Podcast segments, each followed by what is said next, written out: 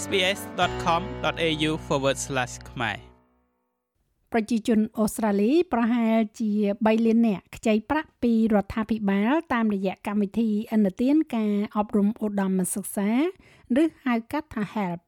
ប្រសិនបើអ្នកកំពុងតែចុះឈ្មោះចូលរៀនថ្នាក់ឧត្តមសិក្សាអ្នកក៏អាចមានសិទ្ធិពន្យាពេលបង់ថ្លៃសិក្សារបស់អ្នករហូតដល់អ្នកមានការងារធ្វើ។ នៅពេលដែលចោះឈ្មោះចូលរៀនថ្នាក់ឧត្តមសិក្សា នៅក្នុងប្រទេសអូស្ត្រាលី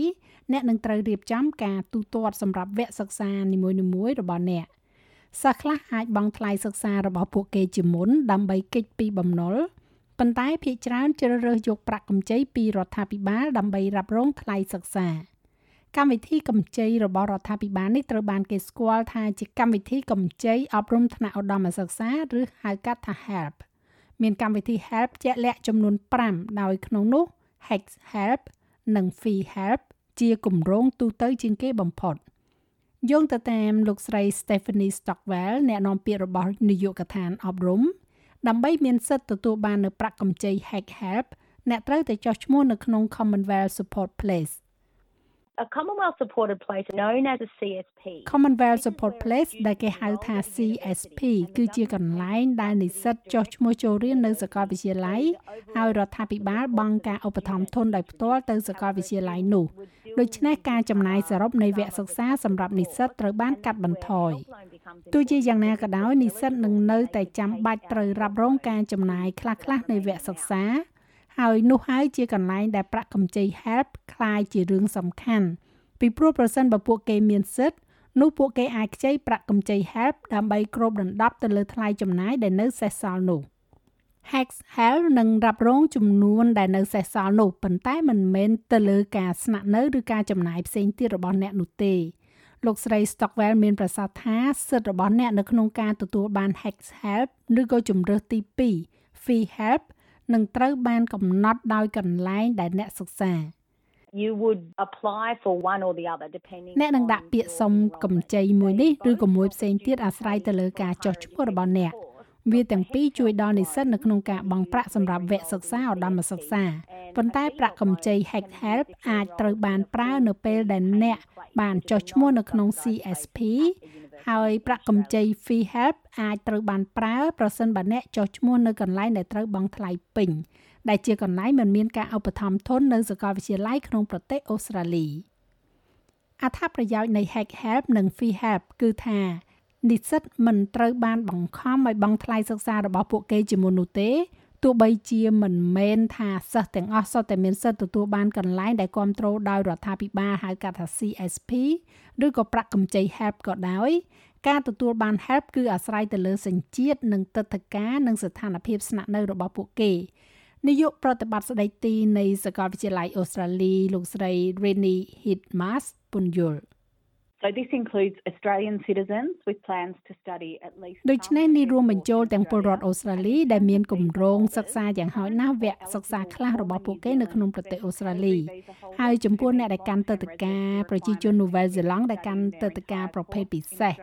បច្ចុប្បន្នឬក៏អតីតដែលបំពេញតាមតម្រូវការស្នាក់នៅរយៈពេលវែងដែលបញ្ញាចិត្តនៅក្នុងការសិក្សាវគ្គសិក្សាទាំងមូលរបស់ពួកគេនៅក្នុងប្រទេសអូស្ត្រាលីគឺមានសិទ្ធិទទួលបាន អ្នកកាន់ទឹកតការអចិន្ត្រត្រៃយ៍ឬក៏អតីតអ្នកកាន់ទឹកតការមនុស្សធម៌ដែលមានសិទ្ធិដែលនឹងរស់នៅក្នុងប្រទេសអូស្ត្រាលីក្នុងអំឡុងពេលនៃវគ្គសិក្សារបស់ពួកគេក៏មានសិទ្ធិផងដែរក៏ដូចគ្នាទៅនឹងអ្នកកាន់ទឹកតការ Pacific Engagement Visa ផងដែរអ្នកជំនាញនៅក្រៅប្រទេសអាចទទួលបាននៅប្រាក់កម្ចី Fee Help ជាក់លាក់ណាមួយដើម្បីសិក្សាវគ្គបណ្ដុះបណ្ដាល Bridging Course មិនថាការចូលរួមនៅក្នុងការសិក្សាពេញម៉ោងឬក៏ក្រៅម៉ោងនោះទេ បំណុល HELP របស់អ្នកត្រូវបានកណនាដោយផ្អែកទៅលើចំនួនមុខវិជ្ជាដែលអ្នកសិក្សាលោក Bruce Chapman គឺជាសាស្ត្រាចារ្យ Emeritus ផ្នែកសេដ្ឋកិច្ចនៅសាកលវិទ្យាល័យជាតិអូស្ត្រាលី និងជាស្ថាបត្យករនៃប្រព័ន្ធ HEX ដើមដំបូងលោកមានប្រសាសន៍ថាថ្លៃសេវាមិនត្រូវបានគិតជាប្រចាំឆ្នាំទេប៉ុន្តែគិតជាមុខវិជ្ជា So if you enroll in a degree you might do 4 years ដូច្នេះប្រសិនបើអ្នកចុះឈ្មោះចូលរៀនថ្នាក់បរិញ្ញាបត្រអ្នកអាចរៀន4មុខវិជ្ជាក្នុងឆមាសទី1ហើយមុខវិជ្ជានីមួយៗនឹងត្រូវចំណាយប្រាក់មួយចំនួនហហើយអ្នកនឹងជំពាក់បំណុលដែលជាចំនួនសរុបនៃមុខវិជ្ជាទាំងអស់ដូច្នេះមួយឆ្នាំប្រហែលជាអ្នកចំណាយអស់ថា3000ដុល្លារប៉ុន្តែប្រសិនបើឆ្នាំក្រោយអ្នករៀនតែវគ្គសិក្សាមួយនោះបំណុលរបស់អ្នកនឹងកើនឡើងត្រឹមតែ500ដុល្លារប៉ុណ្ណោះ អ្នកជ្រើសរើសយកមុខវិជ្ជាកាន់តែច្រើនវានឹងបូកបន្ថែមទៅបំណុល help របស់អ្នកកាន់តែច្រើន នៅពេលដែលនិយាយដល់ការសងបំណុលរបស់អ្នកការកណនានឹងត្រូវបានធ្វើឡើងសម្រាប់អ្នកបំណុលរបស់អ្នកមិនត្រូវបានគេទារឡើយរហូតទៅដល់អ្នករកការងារបានធ្វើនៅពេលដែលនយោជករបស់អ្នកកាត់យកពន្ធលើប្រាក់ចំណូលពីប្រាក់ខែនីមួយៗរបស់អ្នកពួកគេនឹងកាត់ទុកបន្ថែមបន្តិចបន្តួចដើម្បីសងបំណុល help របស់អ្នក សាស្ត្រាចារ្យ Chapman និយាយថាប៉ុន្តែរឿងនេះគឺកើតឡើងតែនៅពេលដែលប្រាក់ចំណូលប្រចាំឆ្នាំរបស់អ្នកឈានដល់កម្រិតជាក់លាក់មួយប៉ុណ្ណោះ currently that level is $52,000. បច្ចុប្បន្នកម្រិតនោះគឺក្រោម52,000បន្តិចក្នុងមួយឆ្នាំហើយបន្ទាប់មកអ្នកនឹងបង់1%នៃប្រាក់ចំណូលរបស់អ្នកដើម្បីសងបំណុល វាចាប់ផ្ដើមពី1%ដូច្នេះឧទាហរណ៍ប្រសិនបើអ្នកមានបំណុល30,000ដុល្លារដែលមិនមែនជារឿងចម្លែកទេហើយអ្នកមិនចាប់ផ្ដើមធ្វើការទេរហូតដល់5ឆ្នាំក្រោយវាគ្មានអ្វីកើតឡើងទាល់តែសោះនៅពេលដែលអ្នករកបាន52,000ដុល្លារក្នុងមួយឆ្នាំនោះ1%ដែលស្មើនឹង520ដុល្លារនឹងត្រូវដកសងបំណុលរបស់អ្នករហូតដល់សងបំណុលអស់លទ្ធភាពនៅក្នុងការសងបំណុល help របស់អ្នកគឺអាស្រ័យទៅលើប្រាក់ចំណូលរបស់អ្នក ហើយដោយដែលយើងដឹងហើយថាប្រាក់ចំណូលរបស់មនុស្សម្នាក់ម្នាក់គឺខុសៗគ្នានេះមានន័យថាមនុស្សម្នាក់ម្នាក់ដែលមានប្រាក់កម្ចី help មានការរៀបចំសងបំណុលដាច់ដោយឡែកពីគ្នាដោយដែលសាស្ត្រាចារ្យ Chapman ចង្អុលបង្ហាញវាមិនដូចគ្នាទៅនឹងប្រាក់កម្ចីរបស់ធនាគារនោះទេ bank loan, everybody has to pay ជាមួយនឹងប្រាក់កម្ចីធនាគារមនុស្សគ្រប់រូបត្រូវបង់ចំនួនជាក់លាក់នៃទឹកប្រាក់ ជារៀងរាល់ខែនឹងការកែតម្រូវអត្រាការប្រាក់របស់វាហើយវាច្បាស់ណាស់ថាវាត្រូវការរយៈពេលប៉ុន្មានជាមួយនឹងបំណុល Hex មនុស្សមួយចំនួននឹងសងត្រឡប់ទៅវិញប្រសិនបើពួកគេមានប្រាក់ចំណូលខ្ពស់ខ្លាំងគេប្រហែលជាសងអស់ក្នុងរយៈពេលប្រមាណជា5ឆ្នាំហើយមួយចំនួនទៀតនឹងមិនអាចសងវាអស់ទេរហូតដល់ពួកគេឈប់ធ្វើការវិញក៏មានដែរដូច្នេះវាមានភាពចម្រុះគ្នាប៉ុន្តែពេលវេលាជាមធ្យមដើម្បីសងបំណុលប្រភេទនេះ ជាមធ្យមគឺនឹងមានប្រហែលជា10ឆ្នាំប៉ុន្តែតើនឹងមានអ្វីកើតឡើងប្រសិនបើអ្នកចាក់ចេញពីប្រទេសអូស្ត្រាលីនោះបំណុលរបស់អ្នកមិនបាត់ទៅវិញទេប្រសិនបើអ្នករស់នៅក្រៅប្រទេសក្នុងរយៈពេលយូររដ្ឋាភិបាលនៅតែត្រូវទារបំណុលពីនិស្សិតអូស្ត្រាលី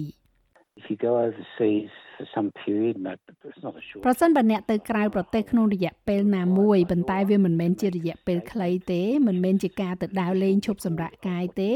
អ្នកត្រូវបានតម្រូវដោយច្បាប់ដើម្បីធ្វើសេចក្តីថ្លែងការណ៍មួយដែលជាកំណត់ត្រាផ្លូវការនៃអ្វីដែលអ្នករកចំណូលបាន គ្រប់ទីកន្លែងដែលអ្នកបានរស់នៅបន្ទាប់មកច្បាប់ Hex នឹងអនុវត្តឲ្យអ្នកជំពាក់ប្រាក់នោះតាមរបៀបដូចគ្នានឹងអ្នកនៅប្រទេសអូស្ត្រាលីដែរ។ មានដែនកំណត់ទៅលើចំនួនបំណុលដែលសិស្សអាចទទួលបានទាំងនេះត្រូវបានចុះបញ្ជីនៅលើគេហទំព័ររបស់រដ្ឋាភិបាល Study Aziz website ទោះបីជាអ្នកមិនតម្រូវឲ្យចាប់ផ្ដើមសងបំណុលរបស់អ្នករហូតដល់អ្នកឈានដល់កម្រិតប្រាក់ចំណូលមួយក៏ដោយវាជារឿងសំខាន់នៅក្នុងការកត់សម្គាល់ថាបំណុលរបស់អ្នកអាចកើនឡើង លោកស្រី Stephanie Stockwell ព្រមានថានេះគឺដោយសារតែចំនួនបំណុលដែលនៅសេសសល់នៃ HELP ត្រូវបានធ្វើសន្ទុះជារៀងរាល់ឆ្នាំ។ This is to keep up with changes in the cost of living and it means នេះគឺដើម្បីរក្សាទៅតាមការផ្លាស់ប្ដូរនៃថ្លៃចំណាយការរស់នៅ ហើយវាមានន័យថាបំណុល HELP អាចកើនឡើងតាមពេលវេលាអត្រានៃសន្ទុះដែលត្រូវបានអនុវត្តចំពោះបំណុលមួយគឺផ្លាស់ប្ដូរជារៀងរាល់ឆ្នាំដោយសារវាផ្អែកទៅលើសន្ទុះតម្លៃអ្នកប្រើប្រាស់ កម្មវិធី Help មានមុខងារសំខាន់ពិសេសមួយដែលកំណត់វាខុសពីគម្រោងប្រាក់កម្ចីនិស្សិតអន្តរជាតិសាស្ត្រាចារ្យ Chapman គូសបញ្ជាក់ដោយសារតែការសងប្រាក់កម្ចីគឺអាស្រ័យទៅលើប្រាក់ចំណូលរបស់អ្នកនោះអ្នកមានការការពារពីការទារបំណុលប្រសិនបើអ្នកកំពុងជួបប្រទះការលំបាកផ្នែកហិរញ្ញវត្ថុ ប្រសិនបើប្រជាជនមានបញ្ហា ពួកគេបាត់បង់ការងារឬក៏ឈឺឬក៏កំពុងមើលថែទាំឪពុកម្ដាយដែលមានវ័យចំណាស់ឬក៏ទារកដែលទៅនឹងកើតពួកគេមិនចាំបាច់ព្រួយបារម្ភអំពីការសងប្រាក់វិញនោះទេព្រោះរដ្ឋាភិបាលនឹងប្រមូលវានៅពេលក្រោយប្រសិនបើស្ថានភាពហិរញ្ញវត្ថុរបស់ពួកគេប្រសើរឡើងលោកស្រី Renny Hitmas បាននិយាយថាប្រសិនបើអ្នកមានសិទ្ធិទទួលបានប្រាក់កម្ចី Hex Help ឬក៏ Fee Help អ្នកគ្រាន់តែត្រូវដាក់ពាក្យតែម្ដងប៉ុណ្ណោះសម្រាប់រយៈពេលនៃវគ្គសិក្សារបស់អ្នកហើយដំណើរការដាក់ពាក្យសុំគឺងាយងាយត្រង់ត្រង់ Eligible students will be required to submit a request និស្សិតដែលមានសិទ្ធិនឹងត្រូវបានតម្រូវឲ្យដាក់ពាក្យសុំ Hex Help Form ដែលត្រូវបានផ្ដល់ដោយសាកលវិទ្យាល័យរបស់ពួកគេហើយក្នុងទម្រង់បែបបទនេះពួកគេនឹងត្រូវការរបស់របរដូចជាលេខឯកសារពន្ធ TFN ឬក៏ការបញ្ជាក់ពាក្យសុំសម្រាប់ TFN ក៏ដូចជាអត្តសញ្ញាណប័ណ្ណសិស្សតែមួយគត់របស់ពួកគេអ្នកអាចស្វែងរកព័ត៌មានបន្ថែមអំពីជំនួយរបស់រដ្ឋាភិបាលសម្រាប់ផ្ដល់ហិរញ្ញប្បទានដល់ការសិក្សាថ្នាក់ឧត្តមសិក្សារបស់អ្នកនៅលើគេហទំព័រ studyassist.gov.au របាយការណ៍នេះចងក្រងឡើងដោយ Melissa Companoni និងប្រែសម្រួលសម្រាប់ការផ្សាយជាភាសាខ្មែរដោយនាងខ្ញុំហៃសុផារ៉ានីចូលចិត្តអ្វីដែលអ្នកស្ដាប់នេះទេ Subscribe SBS ខ្មែរនៅលើ Podcast Player ដែលលោកអ្នកចូលចិត្ត